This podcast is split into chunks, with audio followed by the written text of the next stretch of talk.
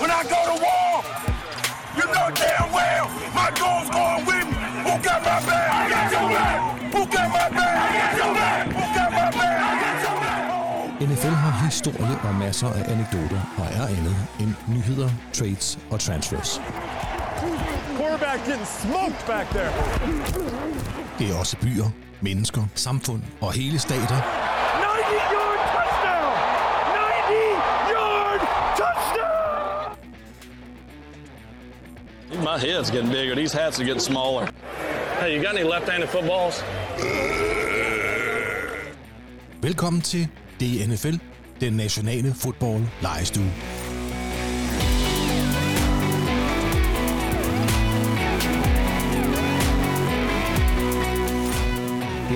Det er New York Giants, er det ikke? Du skal lave din normale stemme, ikke det der mærkelige Nå, stemme. Ikke okay. under nu. Jeg går ned nu. Øh, Jeg bor faktisk på vej med Svend Gers. Ja, Rigtigt? Mm. Stort. Jeg bor nede for enden af vores vej. Hør, Sammen sig med noget. kone. det, er- så kan du Jeg lave kan ikke huske, spotting. Inge, tror jeg. Nej, jeg ved det ikke, hvad hun hedder. Ikke Gert. Gers. Gers. Gers. Gers. Gers. Ja, ja. Nu går der. Hvor er det Gers vej? Åh, nej. Ja, nej, i Vandsbæk. Skal vi prøve igen, Anders? Oh. Jeg sidder og siger alt muligt, og så, øh, Andreas skal så Ja, er jo samtidig også tige stille. Men okay. så er det vel ikke mig, du skal stille krav, så, så er det vel Andreas, du skal bede om noget. Han kan da godt stille krav til dig, samtidig med at stille krav til mig. Men jeg kan jo ikke opfylde det, så længe du ikke kan shoppe det. Sig så stille, Andreas. Nej, men du er bare så begejstret. Okay, Anders, er tal. Gers. Om Svend Gers. Ja. Whatever. Så kan du ikke slå være alligevel. Nej, undskyld. Ja, hvor du. Okay, jamen øhm, i dag skal vi snakke om NFL, og vi skal ikke bare snakke om NFL, vi skal snakke om New York Giants, som jo er et af hjørnestenene i uh, NFL, og Godt. NFL's Andreas, selvforståelse. Gør det Ja. Hvad? Ja, Du gør det samme. jeg vil hellere snakke om Svend Gers. Det er mega sjovt. Nej, ja, vi skal snakke om hjørnesten. Det er godt ord. Ja, jeg sidder... øh, Er det godt nok? Lyd, Jørgen. Ja, det er fint. Jeg prøver det hjemme hos mig selv. Prøv lige Ja, det, kan det, ikke er- se over på dig. Andreas. Det der er en prøve. Det der er en prøve. Jeg skal lige lidt ned. Kan jeg Ja, nu får man skal ud igen. Det der er en prøve. Det der er en prøve. Nå, lidt mere. Det der er en prøve. Det der er en prøve. Perfekt. Godt, så kører vi. Okay, vi skal sige alt muligt smart. Du siger bare, det der er en prøve, det der er en prøve. Ja, Ja, men der er forskel på folk, jo. er forskel. Sådan er det. det er det. Nå. Ej, Ulrik, skal du ikke... Øh, jeg kan jo ikke se med papir. Det kan du jo Jeg aldrig. lige på det. Så må vi prøve igen. Jamen, så, ja, sådan er det. Sådan et ritual, det her, vi har. Som 90 års fødselsdag. Ja, det er også, ja, ja, den føles også som om, jeg er fuld. Så jeg skal det. Må jeg, må, er, det, er det dumt? Nej, det er bare, bare du holder den fine jeg skal afstand. se, hvad jeg laver jo. Ja, hvis du kan se, og du kan samtidig kan Ja. stikke fjeset ned i den der mikrofon Ja. der, så fungerer Vi det. prøver, så kan jeg også se Anders. Ja, Godt nok lidt højere op. Der. Så. yes. Er vi klar? Ja. Go. Kære lyttere, velkommen til. Mit navn er Andreas Hoksted, og jeg er som altid omringet af godt folk. Tekniker Ronny Laursen står bag pulten og skruer på, på knapper allerede, og ved min side sidder ingen andre end Ulrik Potfather Jørgensen. Hej Ulle. Hej, Andreas. Det er længe siden, jeg har set dig. Ja, det er det. Det var, øh, det var et dejligt øh, kram, du lige gav mig, da jeg kom. Jeg, jeg synes også, at det var, altså, jeg, det er fandme længe siden, vi har, det er jo for længe siden, øh, vi har lavet pot sidst. Jeg kan simpelthen, er, det, er det fire uger siden? Tre Ja, uger siden? det er frygtelig lang siden. Nej, nu begyndte jeg bare at snakke med... Undskyld, Anders. Jeg, øh, jeg sagde, var omringet af godt folk. Og det, øh, du er jo også øh, godt folk. Det er dejligt at være godt folk. Velkommen til. Anders Skovgren, a.k.a. Onkel A. Tak. Hvordan går det? Det går godt. Og det er jo ikke helt så længe siden, vi har set hinanden, som vi har set Ulrik. Det er rigtigt. Vi har været til, Det er altså koncert, mand. vi har været til koncertkoncert. Sammen med 15.000 andre. Fuld teenager. Der var mange unge mennesker. Det var overraskende mig. Jeg troede, det var sådan noget med øh, Jeg tror også, korporthat og sporer på støvlerne. Det Dem var der også nogle af. Ja. Men det var ikke så mange gamle røvhuller som os, som jeg havde troet, det var. Nej, nu kalder du mig et røvhul. Det er lidt... Øh, Så gamle er I heller ikke, venner. Altså, du er 49, Anders. Slap af. Ja, ja. Men, ja. men jeg havde stadigvæk troet, at det var et forholdsvis modent publikum, hvis jeg så må Ja, kalde det. Det kan jeg godt forstå. Ja, ja. Og der var forholdsvis mange unge mennesker, og der var også mange unge kvinder. Ja. Også som ikke bare var der, som var slæbt med af en eller anden fyr, men altså nogle pigegrupper. Og det var Luke Combs, vi hørte. Så var Luke Combs, vi hørte. Ja. Ja. Øh, Fedt. Nå, Super fedt. så fik vi lige, øh, fik vi lige den med. Det Ja. var godt lavet, ikke? Nå, vi har lige noget at snakke om. Det er sidste episode, de herrer. Den var, øh, hvad skal man kalde det, til tider. Lidt, øh, jeg vil godt kalde det anderledes. Altså, ingen kunne huske noget som helst. Øh, der blev sagt mange mærkelige ting. Ulrik, Ja. du fik en eller anden idé om, at Doug Flutie, han spillede for New York Giants. Ja, det- Det, det, det, er ikke rigtigt. nej. Anders, øh, du prøvede at bilde øh, lytterne flere ting ind. Ja, ja. Blandt andet, at Elroy Crazy Legs øh, var hvid. Øh, ja, slået vold. Var sort. Det? han, han var der ved. Ja, det er det. Var sort. Det var det. Øh, det er han ikke. Han var hvid. Og øh, så snakkede du også om Terry Glenn. Men øh, han spillede øh, ikke for Miami eller Nej, nej. touchdowns. Det var jo Jeg fik byttet rundt på til. Ted Ginn Jr. Ja. Ja. Men det fik vi da alle sammen reddet ud under. Ja, så nogenlunde, ikke? Men, men, og jeg, jeg var ikke bedre end jer. Jeg havde slet ikke styr på den der bowle, fordi øh, der var jo et hold tilbage i bowlen, og øh, optrak vi jo flot øh, New York Giants. Yeah. Men vi har faktisk trukket Giants før. Vi bare glemt at fjerne sedlen. det er mig, der står for den slags, øh, fordi vi er helt tilbage i sæson 1, episode 7. Der var Giants øh, på hovedmenuen. Og øh, ja, faktisk så var det legestuens opfinder og originale vært, Michael Frost, som lavede et, øh, dengang et fremragende portræt af Giants, og deres træner, Jim Lee Howell, som havde de her to superassistenter, Tom Landry og Vince Lombardi. Så vi havde været henne over Giants. Så jeg, øh, altså jeg vil bare sige, der var meget fri fantasi, løgn og latin, sludder og vrøvl og misinformation af værste kaliber i vores... Øh, øh, ja, til gengæld var det sjovt. Det var det. Og vi hedder også, altså det er jo en legestudie her, det er jo ikke den nationale Det er fodboldfakta. ikke en løgnerstuen, jo. Nej, men det er jo ikke faktastuen, vel? Nej, det, Men- nej, men- det kommer det aldrig til. Men, men Ulrik, det, sådan noget, nu spørger jeg noget, du må vide. Er det ikke, har man ikke, når man laver sådan noget film og tv, der har man sådan nogen, der sørger for, at man... En faktatjekker. Fact checkers. Nej, men der sørger for, at tingene, rekvisitterne står det rigtige sted, når man skifter vinkel på en scene og sådan noget, ikke? Ja, det tror jeg. Har man ikke også... Det ved jeg ikke. tænker vi kunne godt bruge sådan en. Hvad hedder sådan en? Det ved Ja, nu jeg kan vi ikke huske det igen. Nej. Nej, nu ved vi det bare ikke. Nej, hvorfor, spørger, hvorfor skulle Ulrik vide noget? Fordi han, Er han en mand inden for teater, eller hvad? Eller Nej, men han er en mixerpult. Åh ja, du har både været DJ og er jo potfather. Ej, det er faktisk... Du, øh, ja, Altså, og skriver bøger, og... Øh, Mixerpult, ikke? Altså, Og en mixerpult. jo, jo. Så tænker jeg, så ved man noget. Ja, og man skriver også bøger og laver... Ja, ja. Øh, hvad hedder sådan nogle podcast om... Hvad det hedder det ikke? Det hedder lydbøger. jo, det er rigtigt. Alt muligt. Ja, det er det, jeg siger. Så børn skulle da vide det. For dårligt, Ulrik. Det koster noget. Det er tyndt. Jeg ved det. Men altså, jeg, jeg synes... Altså, nu lyder det lidt tyndt selvfølgelig, når det kommer for os selv, ikke? Men jeg synes faktisk, det var en klasse podcast alligevel. Jeg kan anbefale vores lyttere at høre den, hvis de vil høre den. Øh, Der er også noget, fakta. Jeg synes selv, vi gjorde det godt, selvom det var forkert, det vi sagde. Nej, men prøv at vi fik uh, introduceret uh, college for eksempel. Ja. Ja, det gik sgu da meget godt. Ja. Vi fik også introduceret uh, årshjulet. Altså, øh, øh, hvad? Hvad har? Ja, det, er rigtigt. det, det, der var meget godt. Det var meget godt. Bare ikke fakta. Og så er der også noget andet, ikke? Der var altså, ikke så meget. Jo, der var lidt fakta også. Og så er der også noget... Øh, altså, nu lavede vi jo en fejl med den der bowl. Men, vi redde, men, men det var jo ikke en fejl, vel? Vi udnytter jo det her. Vi vender den om. Ja, det er rigtigt. Vi laver jo bare bowlen 2.0, hvor vi starter med Giants. Yes. Gør vi så i dag. Ja. Oh, er, er, du er fandme klar, er vi ikke det? Oh, Skal vi ikke springe ud Jo. i det? Jo. I at snakke lidt om noget NFL. Jo. Eller, eller fodbold generelt. Vi har plejer jo lige at have to minutter, måske fem, om siden sidst. Om der er et eller andet, som... Det behøver ikke lige frem være de der kampe, der lige er blevet spillet, men altså sådan generelt siden sidst vi holdt post, eller hvad hedder det, talt sammen. Er der noget, øh, er der noget, I vil sige der? Er der noget, der Det var også et meget bredt spørgsmål, der vi stillede der. Nå, men det kunne være, der var et eller andet, I havde på. Altså, jeg kan sige, siden sidst, så øh, har vi faktisk i den nationale fodbold lejestue øh, udleveret den præmie, en af vores lyttere har vundet. det er rigtigt. Det er jo en stor ting. Ja. Øh, Vince Mathisen af Browns, øh, jeg vil ikke sige hooligan, tæt på, øh, har jo øh, fået, øh, som man kan se på vores øh, social media, SoMe. Skal vi lige indskyde Super. en lille kommentar her? At det, han har fået den så sent, fordi Andreas Hoksted jo har spist den originale. Ja, ret usympatisk egentlig, og jeg har undskyldt mange gange over for Vince. Ja, jeg tænker også, at hvis man sådan er ærlig omkring det og siger, at det var det, man kom til at gøre, så... Ja, men det var jo også, fordi det var dumt at lave en spiselig præmie. Det er faktisk rigtigt. Ja, det, Når, øh, jeg havde gjort det samme. Det kan jeg sgu ikke sige. Det havde faktisk været, jeg, jeg tog faktisk ansvar over for præmien, som var jo de her japanstænger, fordi jeg vidste, at hvis I, Anders havde det, så var jeg bange for, at han ville spise det. Men, Så, så var øh, det bedre, du selv spiste dem. ja, det var så lidt skidt, ikke? Men uh, ja, okay. okay. Nå. Hvis vi skal vende os mod noget NFL, så vil jeg bare sige, at der er jo sådan noget... Øh, A.J. Brown, receiveren Ja. for Eagles. Han øh, for 6. uge i træk greb han for over 125 yards i kamp. Det er jo NFL-historie. Det er aldrig sket før. Han er altså maskine, ham der. Han er fandme også god. Han er fandme god. Han, øh, han var også god her i seneste kamp mod Commanders, hvor han, øh, ja, med, altså, det blev rutine uge for uge i NFL. Man ser de her, der er dømt urealistisk, sagde vi altid i gamle dage, når en, der lavede en eller anden øh, heldigt eller famøs. Altså, nu er det jo bare hverdag. De laver Ja, simpelthen det- fantastiske catches. Ja, og i alle kampe. Ja. Og altså, hvad de ikke kan gribe og holde fødderne i, så det er, øh, det er godt nok imponerende. Ja, Mahomes har vist også øh, slået en lille rekord. han står rekorder hele tiden. Ja, men den her... øh, Okay, nu lægger jeg lige hovedet på blokken og siger, at han har slået Tom Brady's rekord. Øh, den her, der hedder... Øh, Spist. som, som han, Tom Brady havde en rekord, der hed fire kampe i træk med fire touchdowns eller over. Nå. Ja, der kan man bare se. Mahomes det- har, har nu spillet sin sjette kamp i træk. Jeg synes, det er et rigtig godt segment, vi har forberedt her. Vi kan ikke...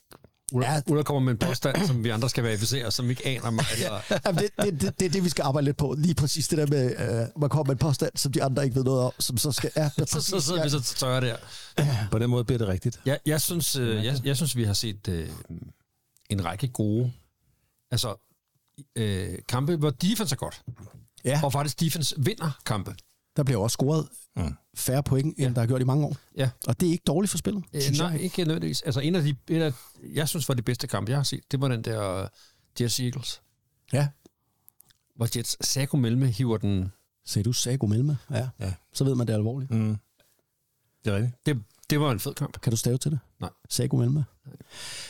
Jamen altså, du, det er det rigtigt, at jeg mener, vi skal helt tilbage. Vi skal det sådan... Øh, ja, det, Der er endnu en fakta, som Nej, nej, ja, Nå, ja. du har, ah, men nu griber vi Okay, lige lidt her. okay, okay. Men, men der er mange sæsoner siden, øh, hvor øh, der er blevet scoret så få point, og det er der net nogen, der i en øjeblik snakker om, hvad, hvad kan det være? Øh, der er nok for få kampe endnu, til man kan analysere. Det kan jo være her i anden halvdel af sæsonen, at der bliver scoret op for antallet af point, og der er jo også nogle hold, der scorer mange, mange point. Miami Dolphins har jo scoret 70 blandt andet i en kamp. Så lad os nu se. Øh, jeg synes, øh, der er en... Øh, det er Jamen, jeg en synes, fed kamp. det der med at ensidigt kigge på, om det er lavt scorende, Ja, er jo ikke nødvendigvis et udtryk for, hvad kvaliteten er. nej, præcis. Og det var derfor, jeg tog den kamp frem, fordi Lige vi ser et Eagles-hold, der spiller rigtig godt. Du har lige nævnt AJ Browns øh, rekord, øh, leverer uge efter uge, bare spiller. Så det er ikke, fordi det var to quarter, øh, hold med dårlige quarterbacks i regnvejr, Hmm. der ikke kunne noget som helst. Nej. Altså, så kan vi alle sammen finde ud af at spille 3-3, ikke? Jo. Øh, her var det fordi, at det var en fantastisk defensiv kamp. Ja, det er jo I- noget, Jets kan. Altså, ja, det er det, det skal, ikke? Og nu skal vi jo snakke om øh, øh, altså New York Giants i dag, og øh, også om deres fans, og nogle andre ting omkring øh, New York Giants. Og der er ingen tvivl om, at der forstår man jo defensiv fodbold, der har mange af de her år, hvor man har været rigtig gode i Giants. Der har det været, fordi man har haft rigtig, rigtig gode forsvar. Og det er jo stadig god fodbold. Det, men måske kan det hænge sammen med, at der i mange, mange år har været en fokus for NFL på, at man skulle øh, lave nogle regler, der til gode så offense. Og nu kan det være, øh, og det er ligesom stillet af de sidste par år nu, at forsvaret er ved at indhente det lidt måske. Jamen nu har de vendet sig til de her ting. Øh, jeg ved det ikke. Øh, det er bare et, en, en tese, kan man sige. Der er ikke nogen, der ved det. Hvad, hvad tænker I om det der med, at der er flere af de der hold, der tidligere på sæsonen så ud som om, de var ustoppelige, som de faktisk tager kampe nu? Jamen det, prøv at, vi snakkede sidste episode om det her begreb parity. Og det er bare så fedt. Altså, der er ikke nogen hold, der er... er øh, alle hold har vundet en kamp. Øh, alle hold har tabt en kamp, ikke? Altså, der er ikke en, et eller andet hold, som... Så hvis man har en dårlig dag, så kan man tabe til alle. Ikke? Men jeg tænker faktisk også, det har noget med at gøre med, at sæsonen er så lang Ja. og så intensivt at kampe hver uge. Altså kombineret med Yes. yes. jævnbyrdigheden. Men, men, men du kommer simpelthen, de kommer simpelthen til at opleve altså, øh, formstigninger og dyk Klart. alle sammen. Ja. Og man har jo lavet noget statistik på at sige, sådan fra år til år, hvilke faktorer betyder mest for, om man leverer på et højt niveau. Altså, hvis man kigger på et godt defense, hvad er sandsynligheden for, at et godt defense leverer år efter år, kontra hvad er sandsynligheden for, at et godt offense også er godt året efter. Hvis man laver den sammenligning. Og der kunne man jo godt tro, det var det er nemmest for defense at gøre. Mm-hmm. Men det er det faktisk ikke. Det er faktisk for offense. Og, og, Og det, er, sp- det er jo næsten noget, vi kunne tage op en dag. Og- øh, og- en gang. og, det er spændende, det øh, der. mit take på det, det er at sige, offense er så afhængig af én spiller, quarterbacken. Mm. Så hvis du kan blive ved med at holde din, din gode starting quarterback på benene, så vil du blive ved med at have et godt offense. Mm. Der synes jeg, at Chiefs er et godt eksempel på det i år. Ikke? Jo. Altså, ham og uh, Kelsey uh, leverer altid, ikke? Jo. Men det er, altså, hvad med Holmes ikke lykkes at få til at blive til noget godt selv med, nu kunne kraften være også der spillede receivers for ham, ikke? Altså, det, det beviser bare, hvor meget man kan, hvis man har en dygtig quarterback, ja, er- der, der er stabil, har et rigtig, rigtig højt bundniveau, ikke? Jo, og det er jo det, hvis, og igen, vinde Super Bowls, det er nok svært, hvis man ikke har en, en top quarterback. Øh, og, øh, men interessant, øh, Ulrik, fordi øh, det, det der, jeg giver dig helt ret. Altså, øh, vi grinede og hånede, ligesom alle andre i hele USA, øh, Denver Broncos for ikke så lang tid siden, vel? øh, som øh, Miami Dolphins scorede 70 point mod. Fuldstændig vanvittigt.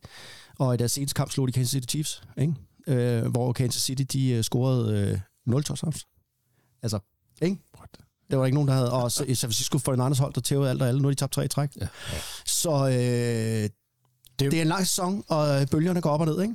Jo, og deres kamp mod Vikings, synes jeg også var en virkelig god fodboldkamp. Det var virkelig en god gang. Ja. Det var det. Altså, og, og jeg har ikke øh, aktier af hverken Vikings eller 49ers. Det var ikke... Jeg kan slet ikke sige deres navn, så... Det, det, jeg, jeg synes bare, det var en virkelig fed fodboldkamp. Altså, der bølgede frem og tilbage, og øh, Kirk Cousins spillede godt. Så det er og, virkelig godt, ja. Ja, lige Altså- altså, til han desværre blev skadet. Er han, er han stadig ude? Ja, Kirk Cousins ser ud for året. Nej. det var, han var spurgt med mod Packers. Ja, desværre øh, røg han til kildescenen. Men det var da ikke mod 49ers, han blev. Nej, det, det, det var den vi snakker om. Ja, undskyld, det var mig, der... Kan Ja, du- jeg tog sovende på... Ja, det var fordi, I sagde Kirk Cousins, og ham snakker vi jo tit om, og så blev jeg bare så bedrøvet over, at han... Ja, men det er rigtigt, han har spillet super godt. Det har han jo. Han har jo igen ja, spillet super godt. Det er han. Øh, ja, han kom desværre til skade jo her i seneste kamp. Og Burrows spillede faktisk også virkelig, virkelig godt mod uh, Foran Anders i den her uge. Ja. Altså, det så, men altså, det der igen, altså alle kan slå alle, og ja. øh, altså, hvem havde set, at Denver lige skulle tage Kansas City? Det er der nok ikke mange, der havde set, vel? Nej. Øh, åh, det synes jeg er fedt. Så har jeg, øh, hvis vi skal, en anden ting om siden sidst, øh, noget jeg har mundret mig med. Øh, jeg kom til en dag og sad og kedede mig lidt, og så sad jeg med mit Netflix abonnement, og så fandt jeg over en, øh, sådan en, der er noget, der hedder Titletown High. Har I set den? Det er en øh, lille sød, vil jeg kalde den, serie, øh, altså en dokumentarserie om øh, high school fodbold i Georgia, Valdosta High School, øh, hvor man øh, øh, følger det her øh, high school fodboldhold selvfølgelig i løbet af en sæson. Det er vidunderligt. Altså jeg fik simpelthen sådan øh, godt af at se det, fordi der er jo nogle... Øh, øh, hvad hedder det, dokumentarserier om de her ting, øh, også om college og sådan noget. Men, men den her synes jeg var rigtig fint, fordi den også medvirker spillerne, når de har, øh, kan man sige, fri for fodbold, og deres kærester og den slags ting. Og det er, øh, den kan jeg godt anbefale jer. Altså, den handler, at hvis man kan lide small town USA og fodbold, og får den der vibe, øh, der er i USA i de her small towns med fodbold, Og det er så er den jo- rigtig, og også hvordan unge kommunikerer med hinanden i, i dag. Det er lidt en soap opera, men det er fantastisk at se, hvordan når de har kæresteproblemer og alt muligt, alt er på medhør, de sidder 10 mand omkring, så gør man bare i dag. Øh, det er meget sjovt at se alle de der ting. Og det er jo, øh, altså... Deres er teenageproblemer. En, en god high school, den leverer jo mange NFL... Eller, ja. Ja. Ja, også NFL-spillere, men, men til de gode college, der ligger der i, altså i, det, i det sydlige Georgia. Ja. Den er i virkeligheden, den nærmeste store skole er jo Florida State, og der er en del gode spillere, der har været der, som kom fra Valdosta. Og jeg vil våge at påstå, at man kan selv lokke konen med på at se det, selvom hun ikke er interesseret i fodbold. Hvis det er 30 minutter, der er syv afsnit, og det er sådan meget feel good. Der er lidt til det hele. Den vil jeg gerne Er have. det der, vi skal over til high school fodbold, når vi er i gang skal afsted? Det kunne vi godt. Ja. Jeg er på. Skal vi se Georgia Bulldogs i, øh, Ah, det i college også? Det kunne virkelig være fedt. Nå, yes. Lad os springe videre fra siden sidst til øh, et af vores andre faste emner. College Yes. Og øh, der ved jeg, Anders, at du øh, for nogle dage siden skrev til mig, hvad, jeg vil godt fortælle lidt om nogle college quarterbacks. Ja. Er det så ikke det, vi gør nu? Jo, er det ikke sådan noget take it away, og Jo. så... Øh, Så, Så lytter vi. Og så til du stiller os. Jeg prøver. Ja, det, der var nok ikke længe. Men det, er, øh, men det er rigtigt, fordi vi står faktisk over for det, der ligner en rigtig øh, interessant quarterback-klasse i den kommende draft. Øh, der er ikke alene øh, god dybde, der er også nogle top prospects, som, som virkelig er interessante. Øh, den mest omtalte og mest sandsynlige first overall pick er ham, der hedder Caleb Williams, som er quarterback for USC. Han vandt Heisman Trophy sidste år, spillede fantastisk i årets start, har haft et par kampe, hvor han har spillet sådan mellem, og vendte så tilbage her, hvor vandt 50-49 i deres øh, seneste kamp. Øh, Det er også bare sådan et rigtig godt college-resultat. 50-49. bum. Så er vi... Øh, Hvor er defense ind i den kamp, man Ja. spørger bare. jamen, de var der ikke. De var der ikke. Øh, han er, bliver af nogen bes- beskrevet som det største talent ud af college siden Peyton Manning. Wow. Altså, i de sidste, Ej, jeg glæder mig allerede til draft. i de sidste 25 år bliver han, er, er, er der nogen, der, der taler ham op til. Han er sådan en Mahomes-type. Mm. Kan kaste i alle mulige skæve vinkler, har et enormt overblik øh, over banen, og kan skabe ret meget med benene selv. Øh, og han har i det sidste halvandet års tid været alles favorit til at skulle blive draftet first of all. Mm. Men Men, der er nogen, der puster ham i nakken. nej, hvor sindssygt. Øh, og det er en, der hedder Drake May, som spiller for. North Carolina Tar Heels. Ja. øh, og som er sådan en, øh, en større, sådan en klassisk NFL-gut. De der øh, 1,95 og lidt over 100 kilo øh, type, men som samtidig godt kan løbe, og som har en kæmpe arm og er virkelig god på de dybe bolde. Og så er han Drake May. Lyder det ikke bare fedt? Jo, det er også fedt navn. Ja, det er fedt, er det ikke? Øh, han gør det rigtig godt, og er sådan en klassisk NFL-passer. Øh, og skal nok Der kan stå ned i lommen og... Ja, ja, og, og bare vent, når vi, når, vi, når vi nærmer os, så skal der nok blive diskussion om, hvem der bliver draftet først. Så kan man, øh, så kan man koges, koges op på den, ikke? Øh, men så er der sådan et, et, et felt af en 6-8 andre quarterbacks, som sådan puster dem i nakken. Ej, ikke måske puster dem i nakken, men som, Nej, men er- som, som, men er gode. Ende, og som er gode, og som alle sammen kan ende med at blive sådan den tredje quarterback, der bliver draftet. Øh, og formodentlig i første runde. Der er jo altid mangel på dem her. Og en af de ting, der er interessant i hele det der quarterback-evaluering, det er, at alle er begyndt sådan at snakke om at sige, hvordan finder man den næste Brock Purdy? Ja. Altså, før i tiden har det jo altid været de beskrivelser, jeg kom af Caleb Williams og Drake May. Altså, nogen, der har det der skillset, som man leder efter hos en playmaker. Men, men, men, und- men undskyld mig ind, altså, hvordan finder man en ny... Altså, det er der jo ikke nogen, der har fået koden på. Det er jo ligesom at sige, hvem finder en ny Tom Brady? Det Er vi, Øh, altså, nu kan jeg ikke sige, du kan ikke sige, Brock Purdy er Tom Brady nu, men altså, øh, altså der er jo ikke noget... Øh, undskyld mig. Det er jo fordi, ja, så skal det være, fordi man kigger på produktion. Ja, eller også er det, fordi man skal kigge på, hvad er det for nogle skills, man så skal have, hvis man skal vinde i NFL, uden at have, Ja, og være med Holmes. ja, eller Josh Allen, eller... Ja. Ja, øh, og, og hvad, hvad kan der så være det? Og, og det er i hvert fald en af de ting, som kommer til at blive super meget diskuteret, når vi nærmer os øh, draften. Er der nogen af Ja. dem her, der har, hvad skal vi sige, den coolness, den overblik, den ro, øh, den spilforståelse, øh, den evne til at processere tingene hurtigt, det er, vel, er det ikke det, der skiller ham ud? Er det ikke det, der gør ham god? Altså, når jeg ser Brock Purdy, så er det, der skiller sig ud for mig, det er hans ro, og det virker som om, at øh, det, der går meget, meget stærkt for andre mennesker, kommer langsomt for ham. Han har står stille og roligt og går igennem sin proces, ja. som om han har spillet quarterback i 12 år i NFL. Det ja. han så bare ikke. Nå, jeg vil godt lige nævne et par stykker af de der øh, næste, der er i listen, fordi der er nogle af dem, der er sådan lidt, lidt sjove personer. Der er en øh, Shadeur Sanders, quarterback Shadeur. fra, Var det fra, øh, ja, fra Colorado. Nå, det er jo Dion Sanders søn for Det fanden. er nemlig Dion Sanders søn, ja. som øh, spiller quarterback for dem, og som øh, er en... en han er ikke lige så fysisk talentfuld som sin far, men han er har enorm fodboldforståelse, øh, og måske den mest NFL-klare spiller af dem her, vil, vil, vil nogen kunne sige. Altså, han har et super godt overblik. Er, har til gengæld måske noget af sin fars karma.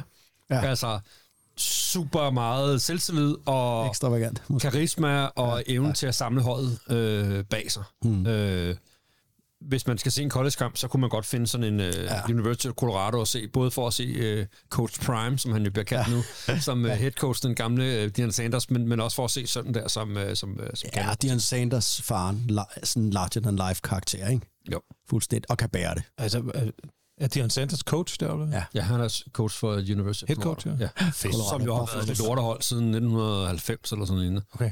Ja. Øh, han var, de sidste par år har han været for nogle af Jackson State, sådan, de der all-black skoler, hvor han jo var i stand til at samle rigtig, rigtig dygtige talenter, som ellers skulle være gået til topskolen. Han kan være jo, du, ham der. Og så, skift, så blev han så hyret til Colorado nu, og er jo i gang med at genskabe dem, og har jo bare trukket folk til sig alle steder fra. Ja. Øh, Folk vil gerne spille for ham der, og det vil de også på grund af de her, øh, altså vi har snakket om tidligere, det her Nil.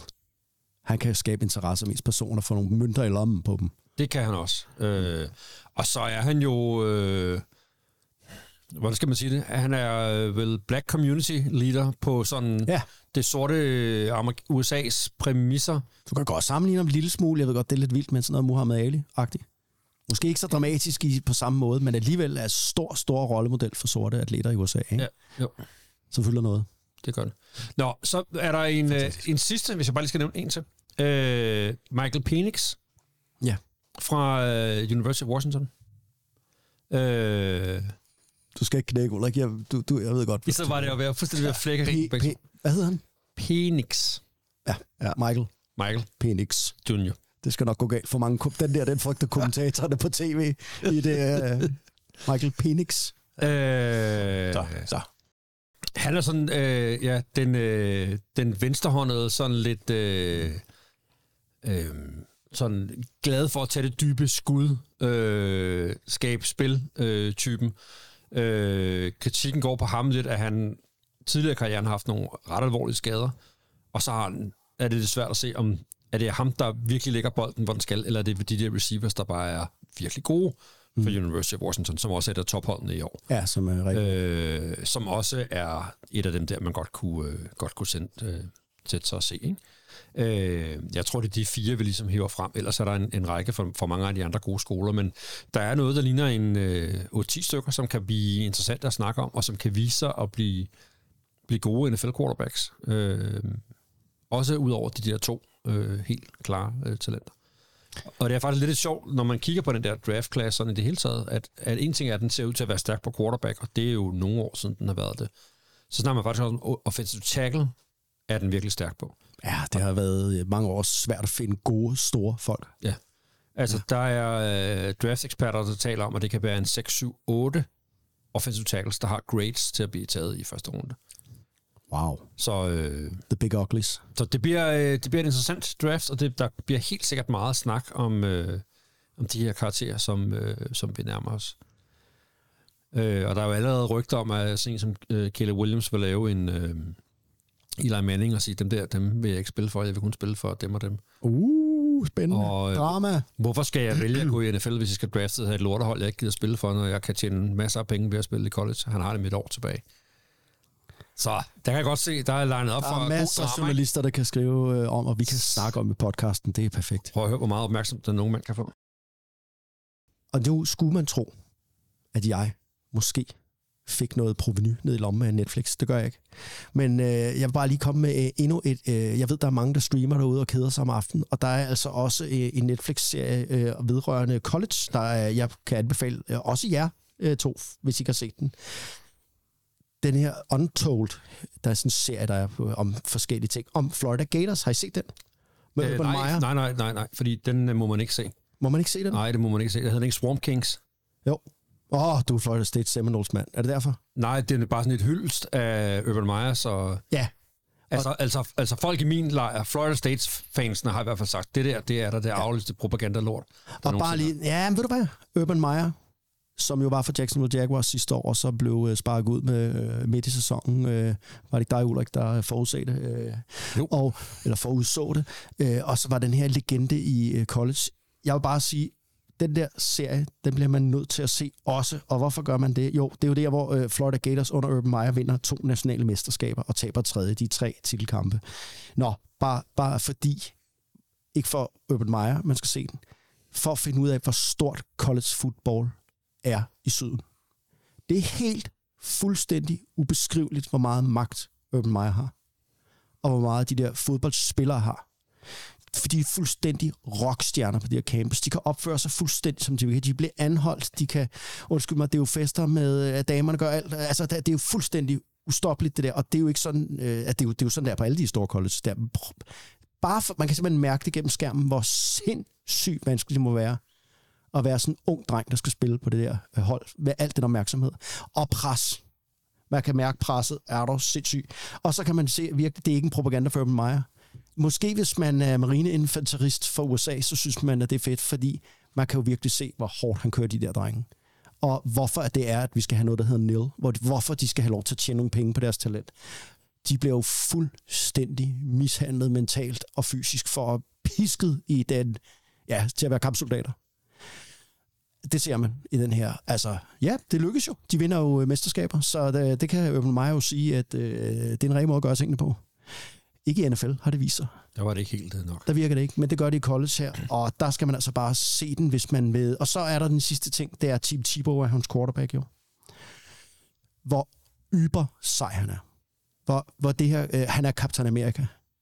Fordi presset er ekstremt på ham her. Og han er så godt et menneske. Og han Han er også Guds søn, ja. Ja, han er søn af sine forældre, men, øh, men øh, ja, han er meget kristen. Men øh, det er en fornøjelse at se, hvordan at øh, unge mennesker, der, mod, der får sådan en pres på deres skuldre, kan trives i det. Det kan nogen. Det kan han. Og udelukkende, fordi han er opdraget øh, og kommer fra et sted, hvor øh, man trækker lige vejret. Rolig nu. Det er fantastisk. Så den kan jeg godt anbefale, øh, og ja, den hedder nemlig Swamp Kings Untold Stories på Netflix. Og så er vi færdige med college, og så skal vi høre lidt Er vi også fandme med Netflix? Ja, måske. Ja. Måske. Måske. Nu skal vi høre noget musik.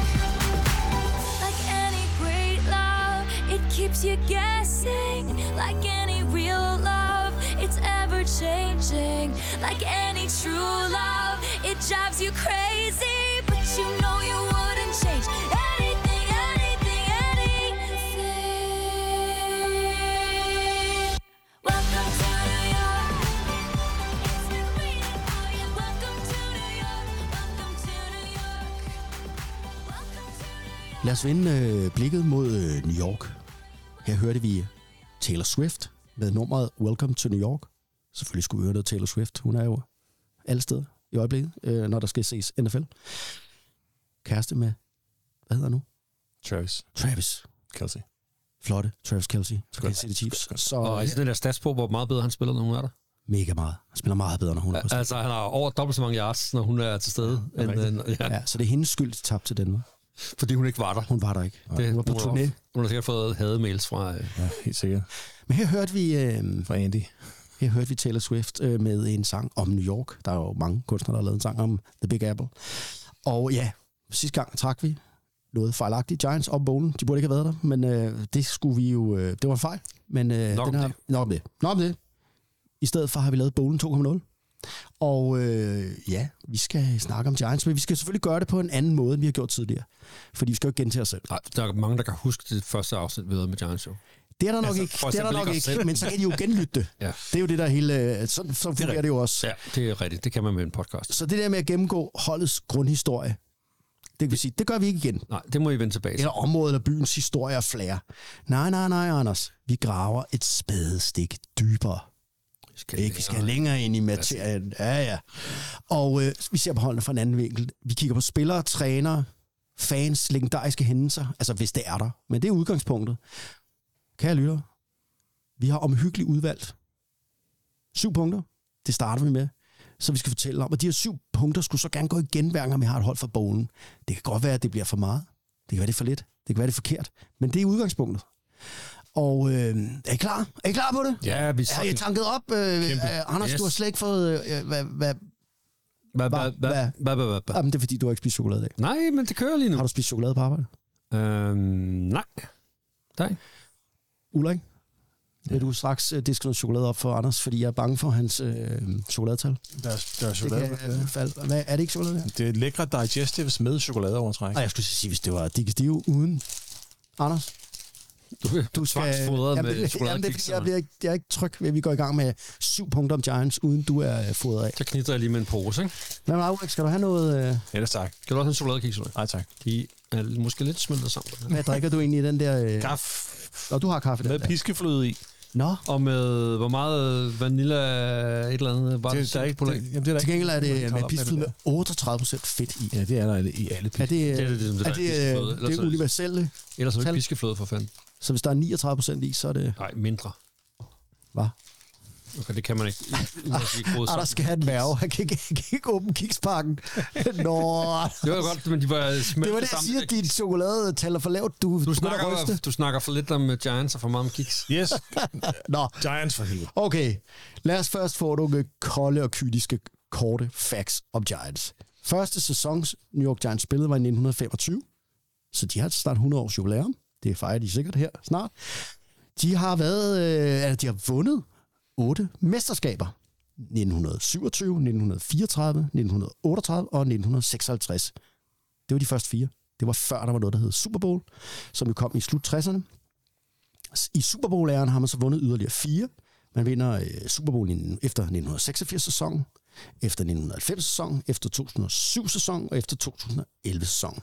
Og det betyder, at Giants er det de mest vindende franchises i NFL's historie. Kun Bears og Packers har faktisk flere titler end Giants. Altså, og Bears har 9, og øh, fuldstændig suveræne og legendariske Packers har 13 som nummer 1. Ja, jeg måtte jo... Sådan er det jo. Jamen, det er fakta. Altså det her med de der facts, Andreas, der har jeg jo faktisk lavet sådan en overskrift, der hedder, at Giants er et winning team. Ja. Og Ja. samlet sådan, ja. Bare ikke, når de taber. nej, nej, men altså gennem hele NFL Ja. historie, Ja. der, er der, der, har, der har de jo en del statistikker, der er record-breaking, kan man sige. Nå, jamen det kan være, at du kan, hvis du har lidt om det, kan øse om det senere. Ja. ja. Så kan man sige, det er det ældste hold i den nordøstlige del af USA. Øh, 29 spillere i Hall of Fame. Det er, vi skal tale lidt om det senere. Og så kan man sige, at noget, der er sjovt, som mange ikke ved, det er fra 1937 til 1957, der hed holdet New York Football Giants. Det gjorde det, fordi, øh, og man hører det nogle gange, de siger det, kommentatorerne, New York Football Giants. Og det øh, var simpelthen, fordi der var et andet hold, der hed New York Giants, og de spillede baseball. Efter 57, så flyttede de så til San Francisco, øh, og hedder nu, ja, der er et baseballhold, der hedder San Francisco Giants. Øh, nå, Giants største hadefjende, hadeopgør nummer et, det er Philadelphia Eagles. Øh, de hader alle de andre i deres division, men især Philadelphia. Især. Så skal vi have lidt quiz. Det var lidt facts, bare lidt quiz. Vi skal altid have lidt guf med en quiz. Anders Rasmussen. Nej, det hed det, da du var ung. Anders Skovgren. Ja. Det har du heddet de sidste 20 år, mand. Ulrik Ja. Potfar Jørgensen. Hvem er all-time passing leader for New York Giants? Den quarterback, Doc der, Flutie.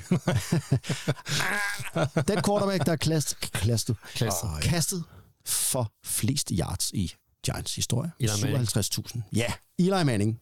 Godt, Anders. All-time rushing leader, altså flest yards langs jorden. En running back. Er der nogen, der springer jer i øjnene?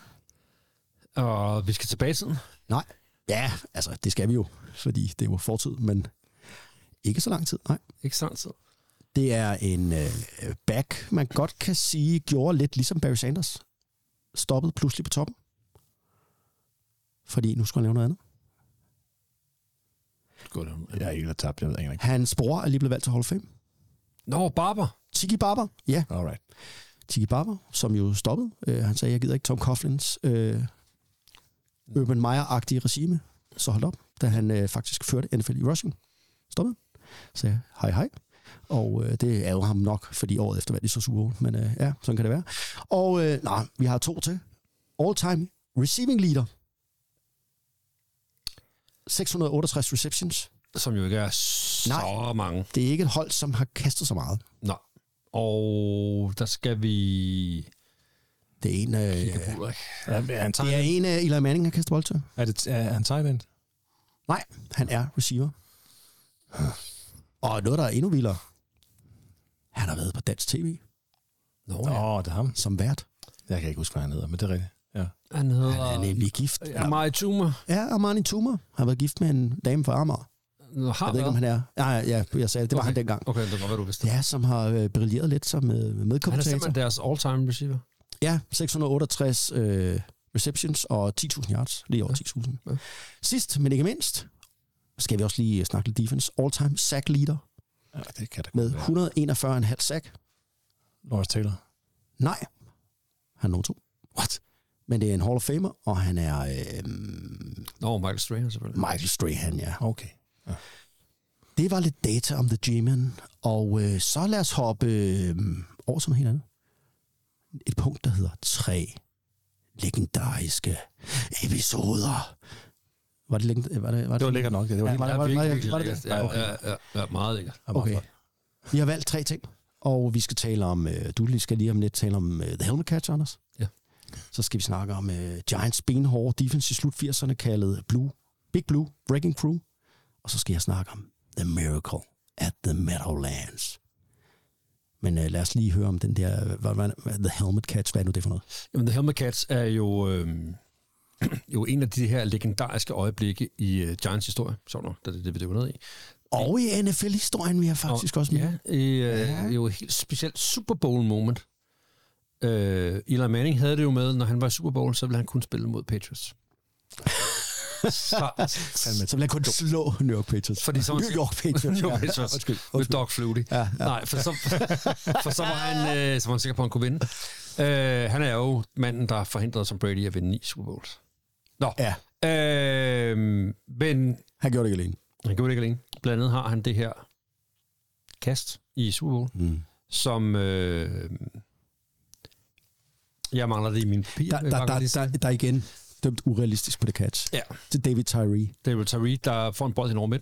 Ja. Og får, bliver, jo, bliver jo taklet, med, at han griber bolden. Ja, hard-hitting Rodney Harrison, ikke? Jo. Som er kendt som sådan en Og- brutalis. og får klemt den der bold ind mellem sine, sine hænder og hjelmen. Eller den ene hånd er det vel. Øh, Ja, hans hjelm griber den jo sådan set næsten. Altså, hvad fatter det jo ikke? Han presser den jo sådan ind mod hovedet, eller hvad det er. ja, simpelthen med den ene hånd op i luften, mens han bliver ramt, så presser han den der hjelm, vel, bold ind mod hjelmen, og bliver taklet og, og øh, holder fast på bolden, sådan der. Altså ikke noget ja. med at tage den ned, eller gøre et eller andet lækkert. Øh, og det giver dem jo så en øh, ny first down på, øh, på det her drive, som jo er sent i kampen. Ja. øh, og som jo er helt afgørende for, at de øh, kan vinde den her kamp. Og man kan jo sige, det er jo det er jo sådan et øjeblik, som jo gør, at man tænker, okay, vi kan vinde den her kamp. Altså, mm. øh, Patriots var jo favoritter. Øh, Ja, det var jo deres den sæson, de, de havde jo tabt en kamp jo. De har jo ikke tabt en kamp. De var, de var jo ubesejret på året. Ja. De var været Gik 18 18 0 0. Ja. på det her tidspunkt. Og, og det var også lidt, nu skal de også bare lige være rundt med de der uh, Giants, så er der overstået. Ja. Og så laver han det der catch, og så bliver alle sådan lidt, okay, det kan faktisk godt lade sig gøre det her. Det Øh. er sådan et af de der klip, som man ved, når man ser det, så ved man, det er slut Patriots. Man ved bare, det der, det er, det er ure, altså det der med, at det, Der er det kan ikke lade sig. Ja, der er dømt urealistisk. Altså, øh, vi så det også for nogle år siden, den her Patriots, øh, hvor de kommer tilbage mod Falcons, hvor, øh, nu kan jeg ikke huske, hvad han hedder, er det Edelman, der griber en eller anden fuldstændig vanvittig kast enormt, men man tænker, det der, nej, ja, man kan bare ja. mærke det. Ja. Og øh, det kunne man mærke med det der himmel, man tænker, det der, det, også fordi det dem, der gjorde det. Altså, David Tyree var jo bare øh, spiller. Ja, han var jo ikke noget særligt. Altså, og der er det jo det, man taler om momentum i ja. fodbold. Altså, hvem er det, det kører for? Øh, og det er jo sådan meget sådan en fodboldting. Og, og, og det er jo sådan noget, der får det til at skifte, at nu skete der et eller andet helt fantastisk, og så løfter troppernes moral sig og fortsætter, øh, fortsætter kampen. Ikke? Og jeg synes, hvis man... Jeg er ikke specielt Giants-fan, men hvis man kigger på alle de Super Bowls, der har været igennem tiderne og mestre og sådan noget, så de der to Super Bowls, hvor Giants vinder her, øh, de seneste to, blandt andet den her, øh, hvor The Helmet Catch er i, der er det jo virkelig sådan nogle, øh, man tænker, øh, hvor kom det fra? Og, og Eli Manning var den her, spillede jo rigtig, rigtig godt i afgørende momenter, men var jo pivringe i rigtig mange fodboldkampe. Ja. Altså, der var den diskussion om, skal han være i Hall of Fame? Ja, det kommer han jo nok, fordi han har vundet de her to. Men man kunne bare, altså, man kan bare sige, at øh, det er sådan en spiller, ikke? Men Når det der, altså, han, han går ikke hjem. Man ved godt, at øh, Eli, han kan få det utroligt til at ske. Ja. Og det gjorde han der. Ja, han var virkelig sådan en med et stort udsving. Ikke? Altså et ikke særlig højt bundniveau. Når han Nej. var dårlig, så var han virkelig dårlig. Men når han var god, så var han godt nok også virkelig god. Der var også det spil, ikke? Altså på The Helmet Catch. Man glemmer også det der med, han er jo jaget vildt. Det ser ud som, han har fanget Eli Manning, og han, var jo ikke en, han er jo ikke en Patrick Mahomes eller en Jalen Hurts. Men så alligevel får han, øh, mens ja, han er in the grasp næsten, får han jo tyret den her bold afsted, og det er jo sådan lidt en... Nå, Ja, ja, han, han kaster altså David op i Tari luften øh, laver en sine Øh, medspillere, ikke? ja, altså lige pludselig blev til Jerry Rice på det spil, det ved jeg ikke. Men, men det er, altså, Rodney Harris har jo selv udtalt, han fatter jo ikke, han kan, hvordan fuck kan han øh, presse øh, bolden ind mod sit hoved, og, og, og ikke tabe den, når jeg rammer ham alt, hvad jeg kan. Men øh, det kunne han så. så. Ja. Og så går de hen og vinder jo. Ja.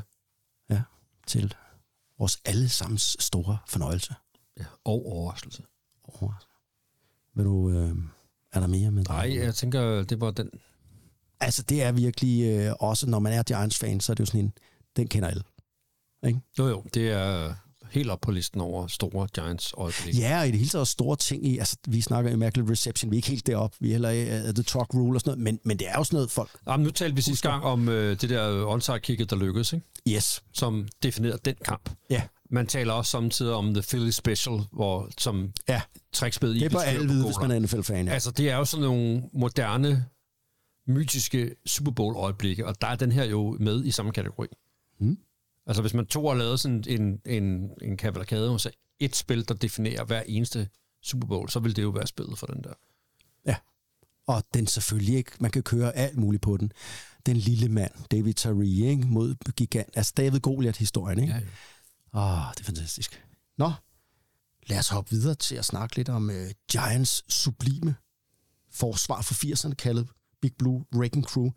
Her taler vi om øh, en 10-årig periode fra 83 til 93. Der er sådan lidt, eksperterne siger, måske lidt før, måske lidt efter, men sådan der omkring.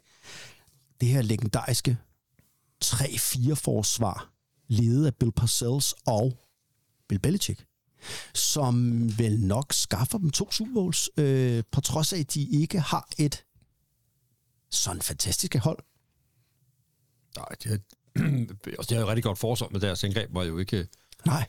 Altså, ikke mindst Super Bowl 25, hvor de jo vinder ja. med Jeff Hostetler, altså backup quarterbacken, der tager, der tager holdet og, og ikke bare fører dem til Super Bowl, men også, også vinder den, ikke? Ja, og det er jo faktisk kendetegnet for de her to Super Bowls, de vinder hen over, øh, ja, 80'erne siger jeg, den sidste er jo i 90. Men det er jo, at deres angreb er jo ligegyldigt. Og du sagde 83 til 93, ikke? Jo, jo, det er den, hvor man kan sige, kalder, altså forsvaret bliver kaldt Big Blue ja. Wrecking Crew. Ja. Men de vinder to Super Bowl 86, efter 86 sæson, efter 90 sæson, og der kan man sige, at det er jo ikke offensiv fodbold, det vil blive husket for overhovedet, de der hold. Nej, nej, fordi altså, man kan jo sige, på, altså, det var Jeff Hostetler, der førte dem. Og man sige, ja, jamen, de var jo et løbehold og sådan noget. Jo, jo, men, men hvad hedder han, Rodney Hampton, som der var jo var deres stjerne running back, bliver jo skadet. Og det er jo gode, gamle, Gamle Otis Anderson, Anderson, som ja. bliver bellcow i den der kamp, ikke? Jo. Og så kan man sige, øh, altså det der defense, øh, Lawrence Taylor er jo drivkraften. Altså den her fantastiske spiller, som Bill Belichick siger, er den bedste spiller, han nogensinde har set. Den her monster pass rusher, øh, som jo tvinger modstandernes angreb, øh, ligesom til at, øh, altså hvordan håndterer man ham? Man til at gameplane. Og, Ja, altså, Til dem, der ikke har set det, så kan man, hvis man ser fodbold i dag og ikke kender ham, så er det jo Micah Parsons gang Ja. et eller andet, ikke? Ja. Altså, det er samme type spiller. ja, det er faktisk, øh, Så- så synes, de ligner hinanden rigtig godt. Øh, altså både spillestil, men jo også det der, hvis man ikke har planer for, hvordan han håndterer ham, så smadrer han dig. Jamen, der var også det der, de kunne... Altså, Bill Belichick, han designede de her 3-4 forsvar, som var benhårdt og fysisk og umuligt at løbe mod. Altså, det havde de designet sig ud af, og de havde simpelthen draftet nogle spillere, som var knaldgode mod løbet og solide. Og så havde man Lawrence Taylor, der kunne freelance. Han kunne stille op lidt, hvor han havde lyst til, og han skulle bare øh, roster passer. Og øh, altså, kedeligt, fordi øh, kan du løbe mod os? Nej, det kan du ikke. Og øh, vil du prøve at kaste sig? Ja, held og lykke med det, fordi øh, Michael Parsons eller LT skal nok få ramt på din quarterback. Ja. Øh, og øh, dengang i 80'erne, der var lidt andre regler for quarterback-beskyttelse. Der fik man altså på munden. Også efter man havde kastet bolden, så kunne man også godt få på munden. Ja. og LT, han, øh, Var ikke bleg for den slags. han gav ikke bleg for at give på munden. så, øh, men altså, nå, vi skal ikke snakke så meget mere om det. Gå ind og dyrk det. Man kan sige, de vinder to Super Bowls øh, mod eksplosiv angreb med John Elway i den ene, og øh, Jim Kelly i den anden. Altså øh, øh henholdsvis den Broncos og øh, Buffalo Bills, som havde rigtig gode offenses, som bliver lukket ned jo i de her Super Bowls. Og så øh, kan man sige, de var jo de hårdeste hunde i en hård tid. Altså, hvor fodbold var hård. Altså, øh, NFC East var jo fuldstændig uhyggelig og intimiderende med The Hawks, og altså, Eagles med Buddy Ryan, Men altså, Giants og Bill Belichick og Bill Parcells, Lawrence Taylor, Harry Carson, nogle af de der folk. Og, og en division, der vinder fire Super Bowls i træ, med tre forskellige klubber, ikke? Jo. Altså Giants, Redskins og så gange Cowboys i, på, på fire år. Ja. Er det dem, der tager livet af Bills, men, men er- altså jo Ja. ja. er toppen af NFC, ikke? Og dermed også. Og så kan man sige, uh, The Big Blue Wrecking Crew, fedt navn. Men altså, prøv at høre her, uh, der var også nogle andre tophold på de her tidspunkt. Altså, San Francisco 49ers, det var jo kendt for deres West Coast offense, Joe Montana. Ja, ja. I 1986, der smadrede Jim Bird fra New York Giants Joe Montana, som man troede, hans karriere skulle øh, overstås. Hans ryg knækkede jo flere steder og var jo færdig. Så der vandt de jo ikke Super Bowl for Niners. Der, der, altså det der med destruktionen, og så spoler vi lige frem til den anden Super Bowl, Giants vinder, der møder de jo igen 49ers, hvor Joe Montana er jo kommet tilbage efter en skade nogle år efter. Og vi husker jo alle sammen... ikke i Super Bowl. Nej, øh, i championship game her. Og vi husker jo alle sammen Leonard Marshall, som jo faktisk slutter Joe Montanas 49ers karriere. Altså Giants, Leonard Marshall, der fuldstændig blindsided Joe Montana, som brækker alt. altså, alt. og, og der må man bare sige, at til dem, der ikke lige... Der er mange knogler i kroppen. Han, han ender med at jo... Han skifter til uh, Chiefs bagefter, Ja. Montana. Hvis vi bare lige... Han var jo også en, en, en ikke så stor quarterback. De har på et tidspunkt i en af de der Chiefs-kampe, hvor han spiller i sit absolutte efterår, hvor han jo... Hvor de på, en, på et, altså pausen mellem det ene spil og det næste spil kører, gennemgår hans skader, men de kan ikke nå det. så de bliver nødt til at bruge den næste blok, der er mellem to spil, til at tale skaderne færdige, hvad han har haft af ja. alvorlige skader øh, gennem tiden. Og gode gamle Giants har været med til at levere flere af de der headlines på de der skader. Men øh, han er stadig en flot fyr. Det var så, øh, når man er Giants-mand. Jeg kan lige se det for mig. Man sidder sådan en fyr i The Bronx og lytter til den nationale football last uge, så sidder man og tænker, det kan jeg godt huske, de der ting. Det var fedt. Det er noget, man er stolt af. The Big Blue Wing Crew og så The Helmet Catch. Så har jeg noget, man, øh, der også er definerende for Giants. The Miracle at Meadowlands. Som man havde at snakke om, når man er Giants-fan. Fordi det var ikke sjovt. Øh, og det er vores tredje ting, som er definerende omkring Giants, som man bør vide. Altså, hvis man er Giants-fan, så kender man de her øh, episoder, vi lige har talt om og taler om nu. Men ah, for jer lytter, der ikke er helt inde i Giants, så skal vi lige have den her med. Miracle at the Meadowlands. Som Giants-fans, som de eneste jo bare kalder The Fumble. Dem har der været flere af. Men, men det er mest Philadelphia Eagles for hatte. Philadelphia Eagles, der kalder øh, det her spil, jeg snakker om nu, Miracle at the Meadowlands. Det er et spil. Altså ligesom russerne heller ikke kalder The Miracle on Ice for The Miracle on Ice. Det ved jeg ikke noget om is og russer. Øh, nej. Jeg ved, at de ikke kalder krigen i Ukraine for en krig, men... Jamen, det er det, jeg mener. Nå, Så. det er sådan noget, ja. Altså bare lige for at sætte det her i perspektiv, ikke? Miracle at the Meadowlands er et spil, der foregik i 1978. Hvis man slår Miracle at the Meadowlands op på Wikipedia, så får man 14 sider om et spil. Så meget betyder, kan et spil i amerikansk fodbold betyde for øh, hard øh, fans. Og jeg skal selvfølgelig... Øh, nu skal jeg fortælle dig, Læs alle 14 sider højt. nu vil jeg øh, sætte til duelle. Nej, men det er jo, The Miracle at the Meadowlands er jo en øh, fumble og efterfølgende recovery af fumblen af Herman Edwards, som senere hen jo bliver en kendt NFL-træner. Herman Edwards spiller cornerback for Eagles, og han returnerer den her fumble, som Giants laver, øh, den 19. november 1978, og den returnerer han til huset, øh, som tiden lå ud, så Philadelphia Eagles vinder over New York Giants i New York, som tiden lå ud på den her fumble. Fuldstændig, øh, fuldstændig vanvittigt. Og det, der er, der sker her, det er jo, at øh, Joe Pisarcik, som er quarterback, skal øh, give bolden til Larry Sonka, som er fullback, den gamle Miami-stjerne, som er, er oppe i sit øh, hvad hedder det, karrieres efterår, spiller for Giants.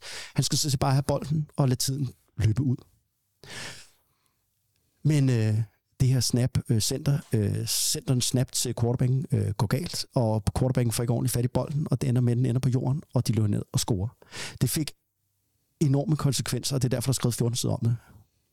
Det er sådan, at øh, det skal vi lige huske. I 1978, der måtte man faktisk ikke lave et quarterback kneel. Altså det, vi kalder i dag som victory formation. Altså det der med, at man lader tiden løbe ud ved at tage et knæ. Det måtte man ikke. Øhm, så kunne man lave en variant. Quarterbacken kunne jo bare falde, eller lave et rulle, rullefald og sådan noget. Det gjorde man. Men øh, Giants meget omstridte øh, offensive coordinator på det her tidspunkt, som ikke var særlig vældigt, og som ikke var der særlig længe, han synes, så mange andre træner på det her tidspunkt, at det var sådan fæsent. Altså det var sådan et ydmygende. Det gør man ikke. Øh, nå, Øh, det skulle han nok have gjort, fordi det fik jo nogle konsekvenser. Altså bare lige for at sætte scenen. Giants har i mange... Altså, de kommer ind til den her kamp og 5 og 6 og kan nå at komme i slutspillet. Eagles, de er 6 og 5.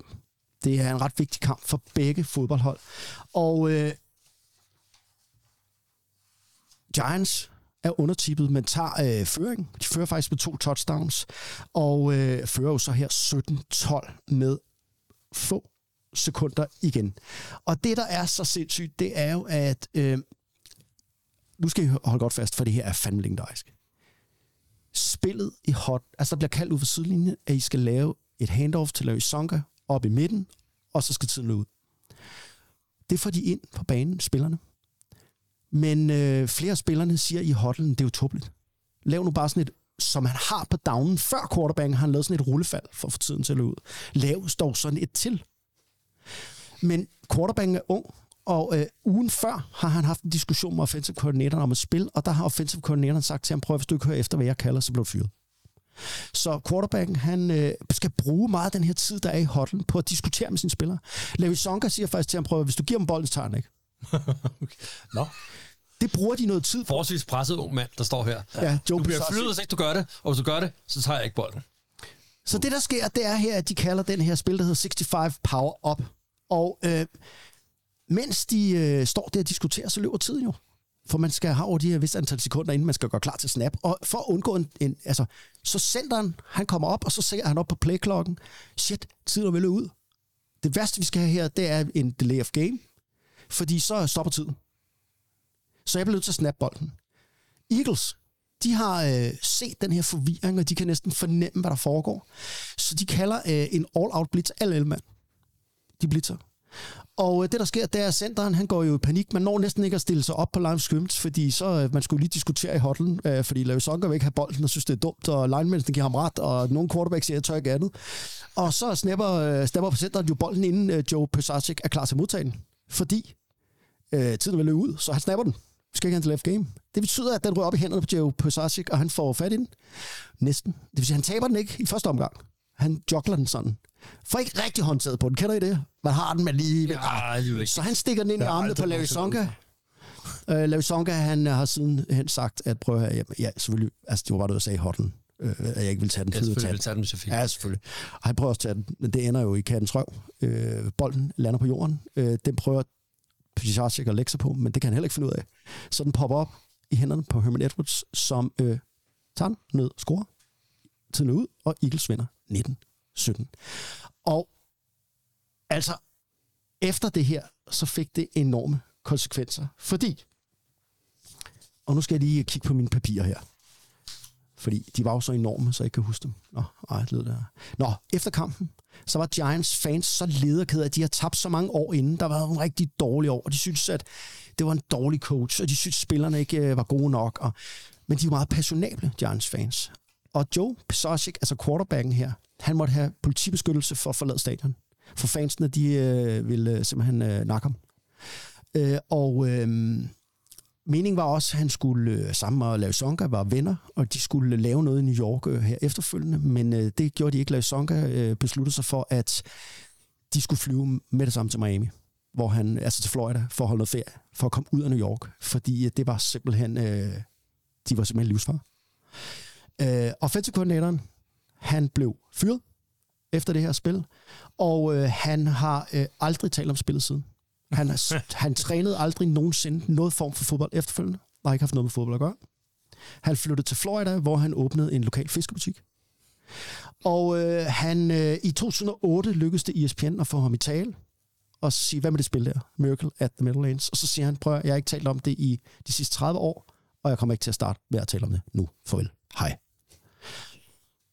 Giants fans, de blev så, det her, det var ligesom det, det var simpelthen det, der definerede, altså prøv at, vi er så ringe, var det pinligt det her. Så de øh, blev så vrede, så de fik øh, blandt andet øh, til deres næste kamp arrangeret et kæmpe flyover med et fly, hvor der stod 15 years of lousy football. We've had enough. Og øh, okay. ja? Eagles brugte det her omvendt. De fik jo øh, fedt, altså, de var jo, det var bare sådan en momentum boost. Så de blev jo et rigtig godt hold næste par år, gik Super Bowl og vandt øh, en masse kampe resten af året. Giants folded. Miracle at the Meadowlands. Et spil, Anders. Ja, og det var det ikke så lang tid siden, øh, hvad er det, 14 dage, 3 uger siden, vi Yes. så øh, For folk jo aldrig historien. University of øh, Miami Hurricanes øh, vælge en lignende taktik. Ja. I stedet for at tage knæ sidst i kampen, så valgte de at løbe bolden Det er vildt, ikke? og fumble. I de her 14 sider på Wikipedia, der er den kamp. også på, fordi der er nemlig sådan en liste af folk, der ikke har lært noget af det her tilbage fra 78. For der er jo nogen, der er klogere, ikke? Det er vildt nok. Altså man kan bare sige, at øh, efterfølgende fik det jo også en historisk øh, værdi, fordi NFL tillod jo efterfølgende, at man godt må nile bolden i det her, der hedder Victory Formation. Det gjorde man, det, Victory Formation, altså, altså kan man sige, først så nilede man bare, og så fandt man ud af, at vi skal også træne det. Så hvis der er nogle bestemte spillere ind, der kan beskytte ham, der niler. Yes. Nå, det var The Miracle at the Meadowlands. Og Og dem, der ikke ved det, Meadowlands var der Giants, det, det hed Giants Stadium. Nå ja, Det er ja, stadion, der. ja. så skal vi snakke lidt om øh, Giants-fan. Mm. Hvordan ser en Giants-fan egentlig ud? Ja. Altså, øh, I klædt øh, noget, der er blåt og rødt. Og ja, det, ja, det er rigtigt, Anders. Formentlig. Ja. Men altså, øh, er der nogen af jer, der har en idé om, hvordan, hvordan inde i jeres hoveder ser en Giants-fan ud? Øh, Hvad er det for en type? Jamen, det sjove i New York er der jo, øh, der er jo to hold. Det er der. Og det kan man sige, hvem er det, der holder med hvad? Øhm, og, og der kan man sige, der er vel sådan lidt en... Øh, jeg vil mene, der er en, en forskel på de to fans, på hvilket socialt segment det er, det kommer fra. øh, Hvor øh, Giants øh, vel primært sådan er for de bedre stillede øh, borgerskabet i øh, New York, og Jets er sådan mere øh, arbejderholdet. Øh, når vi skal tale... Nu skal vi ikke tale berømte Jets-fans, men som eksempel kan man jo nævne øh, komedieserien Kongen af Queens. Ja. Han er jo, øh, hvad er han, postbud eller sådan en, ikke? Jo, jo. Han er jo Jets-fan. UPS uh, carrier. Ja, sådan. Ja. ja. Øh, så det er sådan det arbejdende folk, hvor, hvor Giants er sådan mere New Yorker opperklassen, der øh, er det. Ja, det er nok mere, øh, man kan sige, øh, ja, han, er, han bor jo i, ja, det er Konge Queens, du snakker om. Er det ikke det, han hedder? Jo, jo. Ja, okay, ja, ja. Og det er jo der, Jets er store, det er jo i Queens. Men, men hvis vi ser New York Giants egentlig, altså rent talmæssigt, så er det et meget større hold. Altså har mange flere fans end Jets. Det hænger jo selvfølgelig også sammen med de ældste. Der er traditionerne. Altså Jets er jo helt... Øh, Plus, den her, de er tit har været gode, det har Jets ikke. Ja, så, så det er meget sjovt, hvis man laver sådan nogle målinger. Faktisk så er Giants øh, har flere fans i alle fem boroughs i New York. Også i Queens, end Jets. Men Jets har bare rigtig mange i Queens. Altså det er Queens' hold. Øh, også hele staten New York op til, når vi begynder at vende os den vestlige, nordlige del, så begynder de at blive Buffalo Bills fans. Ja. Men øh, jeg tænker også mere på, hvad er det for en type? Er det dem, øh, altså, det er jo sådan nogle råbefolk. Altså New Yorker, det er jo sådan nogle, lidt, øh, man får at vide, det er jo hårde folk altså de har, der, de, har, de har deres meninger, ikke? Og det, det er også det, man kan se, hvor Giants har været dårligt sidste par år.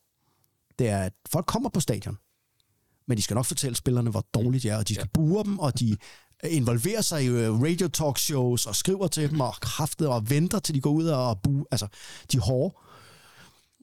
Det er sådan nogle...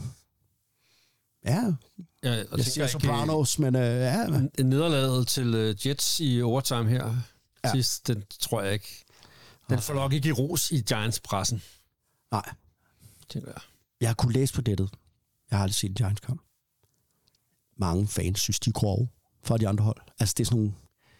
Øh, det er ikke hooligans, men øh, når man sidder der med sin øh, Commanders trøje, eller sin... Øh, man skal nok ikke sætte sin Eagles trøje der. Nej. Så kan man godt øh, Altså, få at jeg- vide, at man er øh, under hele kampen, for at vide, at man er en idiot. Altså, jeg kunne opleve dem på, øh, på udbanen. Vi så dem mod Jacksonville sidste år, da vi var i USA, i Jacksonville. Og der var mange Giants-fans, men de var nu... Øh, altså, der var ikke... Øh, de lavede ikke ballade på udbanen, vil jeg sige. Nej. Det er et af de hold, der har flest fans. Det er jo også øh, øh, ja. naturligt nok. Og så kan man sige, at der er også en anden sjov ting. Det er, at Jets-fans holder typisk med Mets i baseball, hvor New York Giants-fans er New York Yankees-fans. Så nogen kan godt lide at holde med vennerne, og nogen kan godt lide at holde med... Ja, der er lidt i det, ikke? Ja, øh, sådan. Ja, okay. Det var, øh, det var sådan lidt om, hvordan Giants-fans ser ud. De kommer jo også i vind og vejr. Og de har også en vis forstand på fodbolden, ikke? Altså, Jo. Det er sådan et, et, et vidende publikum. Jo, og man kan jo sige, at det er jo også en stor by og et stort fanbase. Altså, så det med at fylde stadion til en Giants-kamp er jo... øh, bør være forholdsvis nemt, ikke? Med så mange mennesker at vælge imellem, og så stor en fanbase. Altså. Mm. Så, så det er ikke noget under, at det- med at få billetter til en Giants hjemmebanekamp, det er ikke sådan lige til. det var fansene. Nu skal vi snakke lidt kort om... Vi, har, vi skulle vælge en spiller hver, Anders. Ja. Hall of Famer. Ja. Vi skal gøre det kort, for vi har talt så utrolig meget i dag.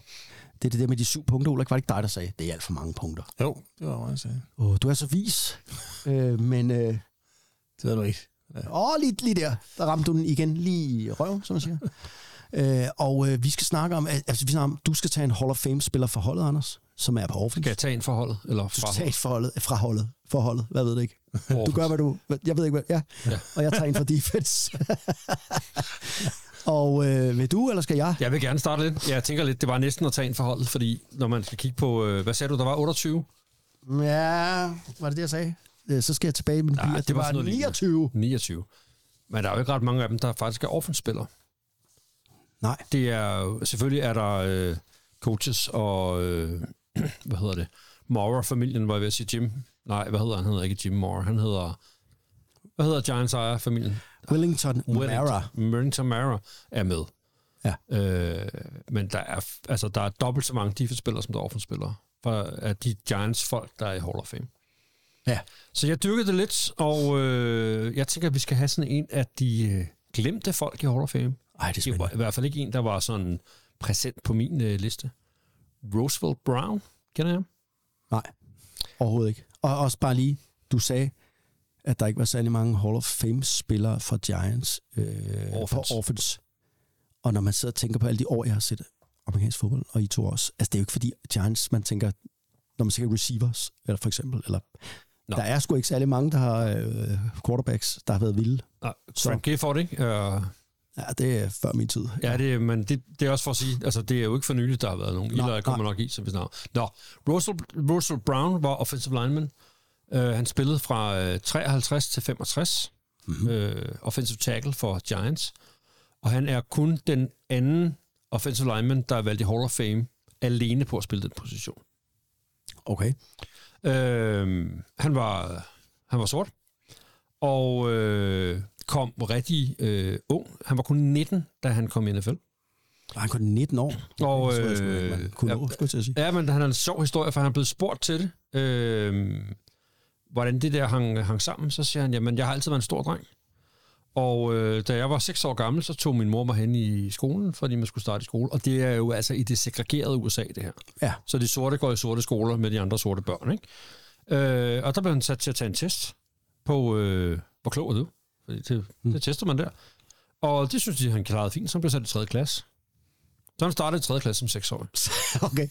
Okay. Ja. Øh, så derfor så gik det jo bare... Nå, meget mærkeligt. Ja, så, okay. så var han jo bare øh, Du foran. behøver ikke gå i første anden, du er for klog. Det viser ja. det der test på 20 minutter. Så han var øh, færdig med high school som øh, 15-årig, og færdig med college som 19-årig.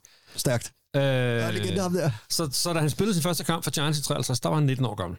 Nå, ja. Øh, han blev øh, draftet ud af lille bit øh, Morgan State College i 27. runde. I 27. runde. Fedt, det var lang draft, de kørte dengang. Så øh, han var både ukendt og jo en overraskelse over, at han øh, kom på hold. Det man kalder et ægte sleeper pick. Øh, han var en stor, stærk mand øh, for, sin, øh, for sin tid. Han var øh, godt 91, øh, små 120. Var han allerede som 6 år jo? Der var Ja, der var han allerede stor. Men, men øh, når man ser billeder af ham og sådan noget, så altså, det er jo ikke, dengang var det jo ikke bygget som linjemænd er i dag. Nej. Der var ikke puttet ekstra kilo på, øh, der ikke var nødvendige. Og styrketræning var jo også noget andet, så han var jo bare en naturlig stor, stærk mand. Øh, og var en, øh, en rigtig dygtig spiller. Han var både en dygtig pass protector. Øh, han lukkede store huller op, når de løb med bolden. Og så var han en dygtig puller. Altså til at forlade sin plads og løbe foran Så og, ben, ja. og bane vejen for, øh, for, for dem, der skulle øh, løbe med bolden. Øh, det var sådan, at i, øh, i de der år, der var, øh, der var ja, USA segregeret, og det var Giants også, når de rejste. Nå, så de fløj i hver deres fly, så øh, de ved, de sorte. Nej, jeg tænker, de sorte, de tog nok bare en, Boost. en, en bil, fordi Ja. de, var, de var to sorte starters på Ja, Giants. okay, på den måde, ja. Det var et, øh, et, et, et, et Hmm. hovedsageligt et øh, hvidt hold på det tidspunkt. Øh, og der har Rosie, som han jo blev kaldt, det ender man med at blive kaldt, når man hedder Roosevelt, øh, der har han udtalt flere gange, at det var fantastisk.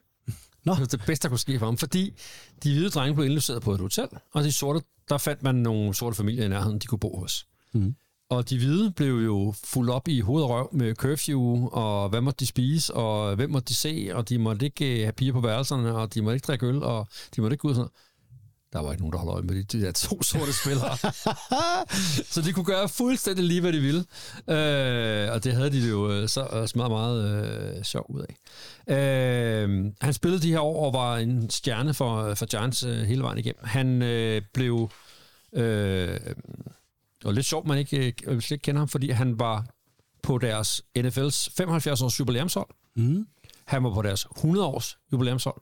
Wow. Øh, han var øh, six-time All-Pro, øh, ni gange Pro Bowl, og var med til at vinde øh, mesterskabet i, øh, i 56. Klasse spiller. Var det Øh, fedt, at du bragte ham frem? Efter hans øh, stop, øh, så var der en artikel i øh, New York Times om ham, hvor en, øh, en dame skulle, altså en, øh, hvad hedder sådan en, en der mal, tegner folk, hvad hedder sådan en, en kunstner, skulle, øh, skulle gengive ham. Øh, og der blev det sagt, hun sagde som, at hans nakke og skulder og bryst var så massivt med, som, hun en, også som en sand helt. Hans hvad hedder sådan noget, øh, liv og, og øh, hofte Nej, det var ikke det. øh, var smalt og småt. Hans ben var tilsvarende massive. Det er ikke muligt at male. For mig er det ikke muligt at male et objekt som dette. Det vil jeg overlade til Michelangelo. Åh, oh, okay. Udmærket. Det kan godt være, hun var lidt lun på ham. Det tror jeg, Han var en, øh, han var det var en, øh, en flot fyr. Øh, Hook op. og han var altså en virkelig dygtig fodboldspiller. Så det var lidt sjovt at dykke ned i ham. Jeg, kendte, Ej, hvor er det fedt, det jeg der. kunne ikke uh, historien om ham, men øh, det, det, det kan vi nu. Ej, hvor fedt, mand. Roosevelt Brown. Russell Brown. Hold kæft, hvor var det fedt, hun var, øh, hun var ja, hende der. Ja. Ja. Nå, ja. Jamen, så lad mig øh, være lidt hurtigere end du var, Anders, med hensyn til en forsvarsspiller her, som øh, ikke er så farverig øh, og så spændende en historie. Men Harry Carson, som var øh, hjertet eller limen i Big Blue Wrecking Crew op igennem 80'erne. Han var jo den her øh, middle linebacker i det her fantastiske forsvar, øh, som ikke var så spektakulær som Lawrence Taylor, som alle kender, eller så brutal som Carl Banks, men det var bare ham, der ligesom var hjernen i foretagendet. Han er Hall of Famer, øh, og øh, han kom til Giants øh, i øh, 1976, øh, og han spillede så i 13 sæsoner for Giants, og øh, altså alle hans sæsoner spillede han for dem. Der er ikke så meget, jeg skal sige om ham andet end, ja, han kom ni gange i Pro Bowl. Øh, jeg synes, det her nok. Bill Belichick, han har jo sagt, at Lawrence Taylor er den bedste spiller, han nogensinde har mødt. Men han har øh, sagt, at øh, Harry Carson er den bedste øh, all-around linebacker, han nogensinde har coachet. All-around. Bedre end LT, fordi han kan det hele. Øh, og det vil sige, at øh, ja, han fik interceptet nogle passes, han fik lavet nogle sacks, men han var altid det rige sted, og så lavet en hav af taklinger. Han øh, blev valgt til Hall of Fame i 2006. Han blev, øh, han blev spurgt ind til, hvad er egentlig dit største øjeblik og den slags ting. Og så sagde han til den her øh, Super Bowl øh, efter 1986, der møder de jo øh, super, at der er han jo i sit 11. år, og folk ved godt, at Harry Carson her er ved at være en træt gammel mand. Han er ikke på toppen længere. Han er dog kaptajn, og det er han for det her Giants-hold, der er jo larger than life. Altså, det kræver noget at være kaptajn for Bill Belichick og Bill Parcells. Og øh, til kampen, der er altså George Martin og Phil Simms også kaptajner. Øh, det er jo sådan, at øh, på amerikansk fodbold, hvis man ikke ved det, der er sjældent mere end, altså der er jo kun- kun én anfører. Der er jo flere, øh, flere øh, kaptajner, og man kan have så mange, man har lyst til et sted. Ja, mindst en for hver enhed, ikke? Offensive defense, special teams. Ja, sådan plejer det at være, ikke? Og øh, det, der var så sejt, det var, at inden kampen, alle har jo butterflies i maven, og man står der helt spændt, og øh, vi ved jo, hvordan det er med nationalmelodien, og hvor stor en scene det er. Så siger Bill Parcells til ham, jeg har valgt i dag, Harry, at du repræsenterer New York Giants som kaptajn alene. Phil Simms og George Martin skal ikke gå med ind. Han går så på banen, hvor alle blitzlysene er, og han ved millioner af seere er, og han går ud mod øh, Denver Broncos, der er ni kaptajner. og så står han over for de her ni kaptajner, han står helt alene. Og øh, det siger han selv, det var den vildeste oplevelse i hans liv. Altså den her respekt, Bill Parcells viser ham. Mm. Med øh, at øh, det er dig, der er den vigtige her. Det er dit øjeblik. Du, alle skal se, selvom du er i dit karrieres efterår, så skal, skal alle se, det er dig. Og det kommer også bare de andre til at virkelig latterlige, at de skal sende ni mand ind, ikke? Ja. Ja. For noget, den Hvor de andre kunne klare med en mand. For at forsøge at matche den her gamle mand, ja.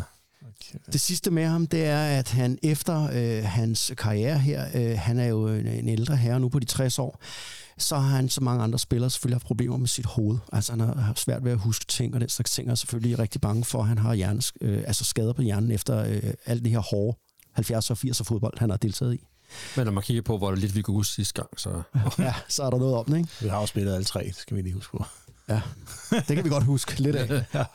Nej, jeg synes bare et eller andet sted, det er meget sigende og også lidt fint, hvor vi er kommet hen til. Altså i marts 2018, det er ikke så længe siden, der øh, Harry Carson her, han slog sig sammen med øh, NFL-stjerner tidligere, Nick Bonicante, som var jo hardcore middle linebacker fra Miami Dolphins, og Phil Villapiano fra Raiders, også en hardcore linebacker. Virkelig jernmænd.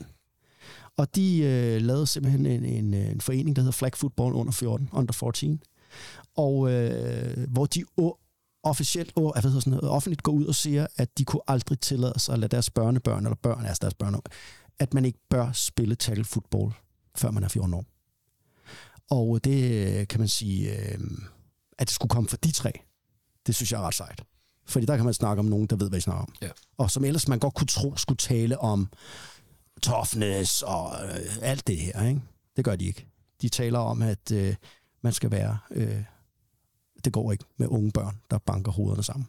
Øh, det er deres budskab, og det synes jeg et eller andet sted er ret vildt, når man tænker på, at det her var den hårdeste nyser på The Blue, Big Blue Wrecking Crew. Man kan se tingene ændre sig med tiden. Mm. Så det var min øh, Hall of Famer. Hvad siger du til, Mulrik? Er du, øh, er du pjattet med det? Altså, det er super spændende at høre om. Det er to, altså helt ærligt, så er det to spillere, jeg aldrig har hørt om. Ja. Men, øh, Og Harry Carson er også sådan en... Øh, selvom øh, altså, vi så fodbold der i 80'erne, lige slut 80'erne, så har jeg heller aldrig rigtig dyrket ham. Det er heller ikke. Det så heller ikke tydeligt for mig. Det var så to Hall of Famers.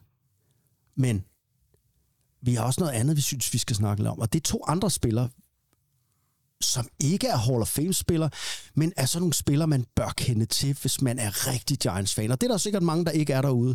Og de kan måske godt finde på at læse lidt om Hall of Fame. Men de her to spillere, vi snakker om nu, dem kommer de aldrig til at falde over, mindre de hører den nationale football du. Anders, igen, du er over på Orphans. Du har en... Øh, Jeg er faktisk også lidt på special teams den her gang. og special teams, ja. Ja. Hvem er det, du har gravet frem, som alle Giants-fans øh, er- kender, enten for noget godt eller skidt, eller begge dele? Øh, det er Dave Meggett. Uh, det er et farligt emne. Det er øh, Øh, vi kender ham jo som fra hans fodboldtid, hvor han var øh, ja, fodboldspiller for Giants, først og fremmest. Øh, han var returnmand, især på punt return, var han en, øh, et stort navn. Han var med, da Giants vandt øh, Super Bowl efter 89 sæson, hvor han også var ja, Super Bowl 25 der. Ja, hvor han også var øh, gik i Hall of Fame. Det var hans øh, rookie-år. Øh, hvor han førte... Øh, Ej, gik i Pro Bowl. Han gik jo lige Hall of Fame med. både, Ja, han okay. gik i Ja. øh, Pro Bowl. Ja, okay, fair nok. Den kan man ikke. Ej, jeg synes, det var vildt, at han kunne komme i Hall of Fame efter et år som returner. Okay, fair nok. Vildt stærkt. Og med det samme. Ikke noget med, at han skal vente fem år og sådan noget. Altså en lille, lille running back, ikke? Jo, Som en var lille running back. Han spillede ja. nummer 30, og han førte dem NFL i punt return derovre. Og i den der Super Bowl, der bidrager han med øh, 129 all-purpose yards, både rushing, receiving, punt return og kick return. Vigtig rolle jo. en vigtig rolle. Og sådan en spilfætter, som havde i alt syv punt returns for touchdown gennem sin karriere.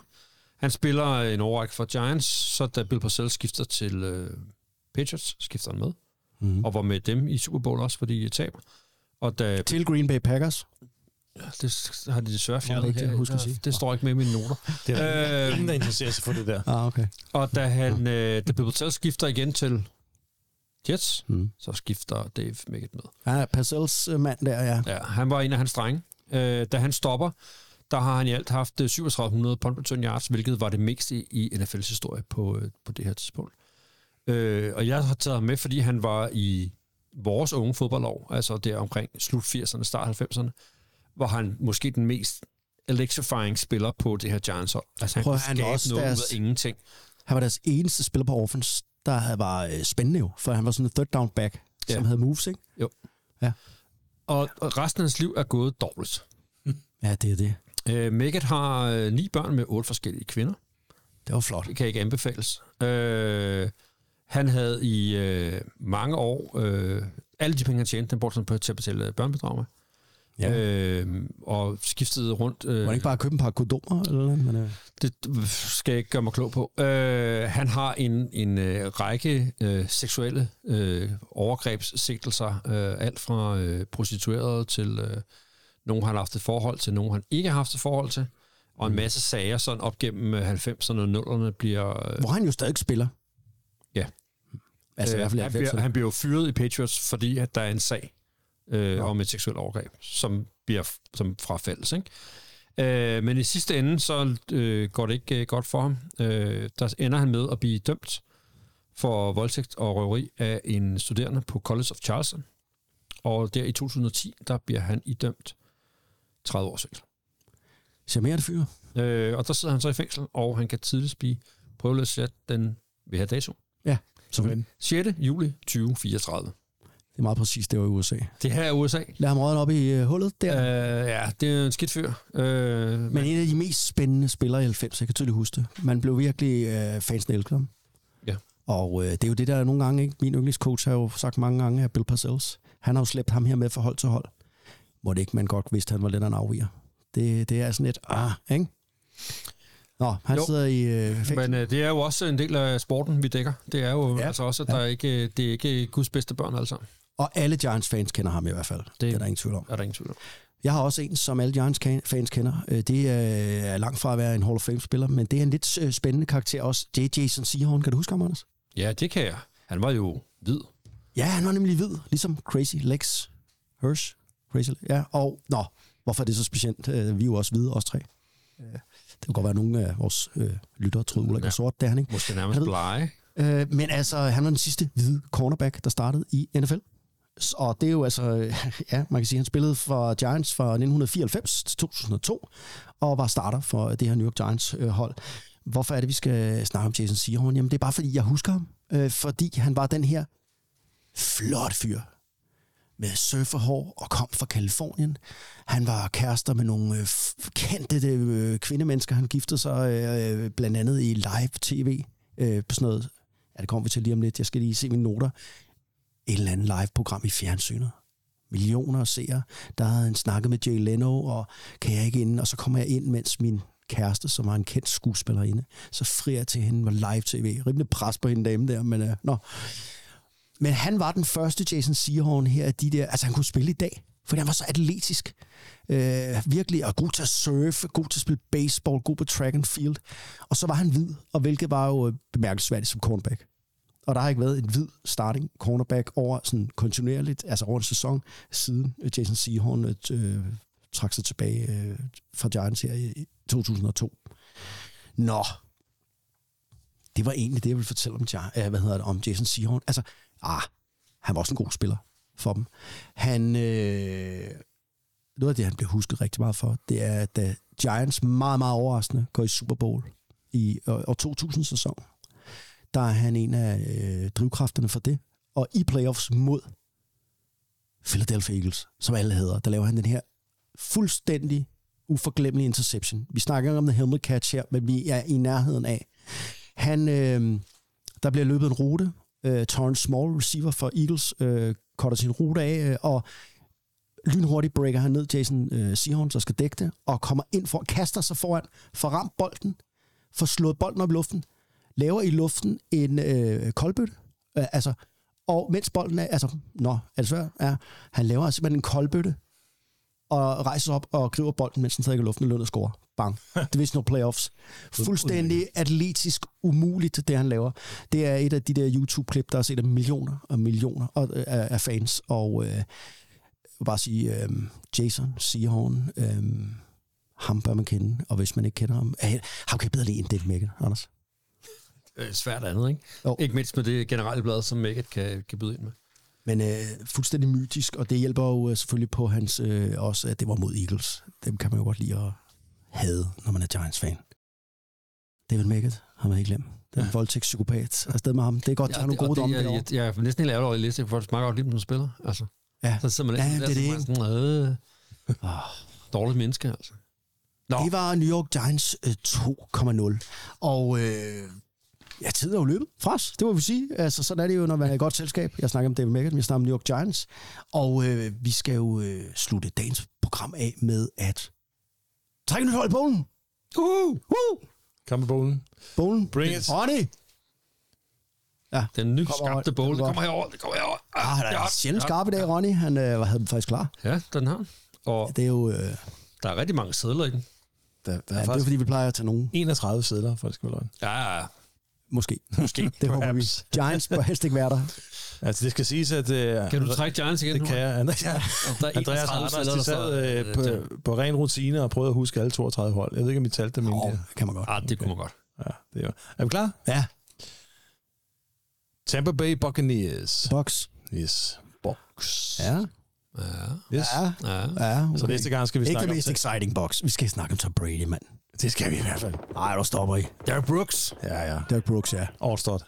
Ja, nu snakker I. Lynch. Nu taler I et sprog, jeg forstår. Lynch. Har han ikke også spillet der? Jo. Sådan. Han, den jersey, den tager jeg på til næste gang. Så fedt, mand. God gamle John Lynch. Næste gang.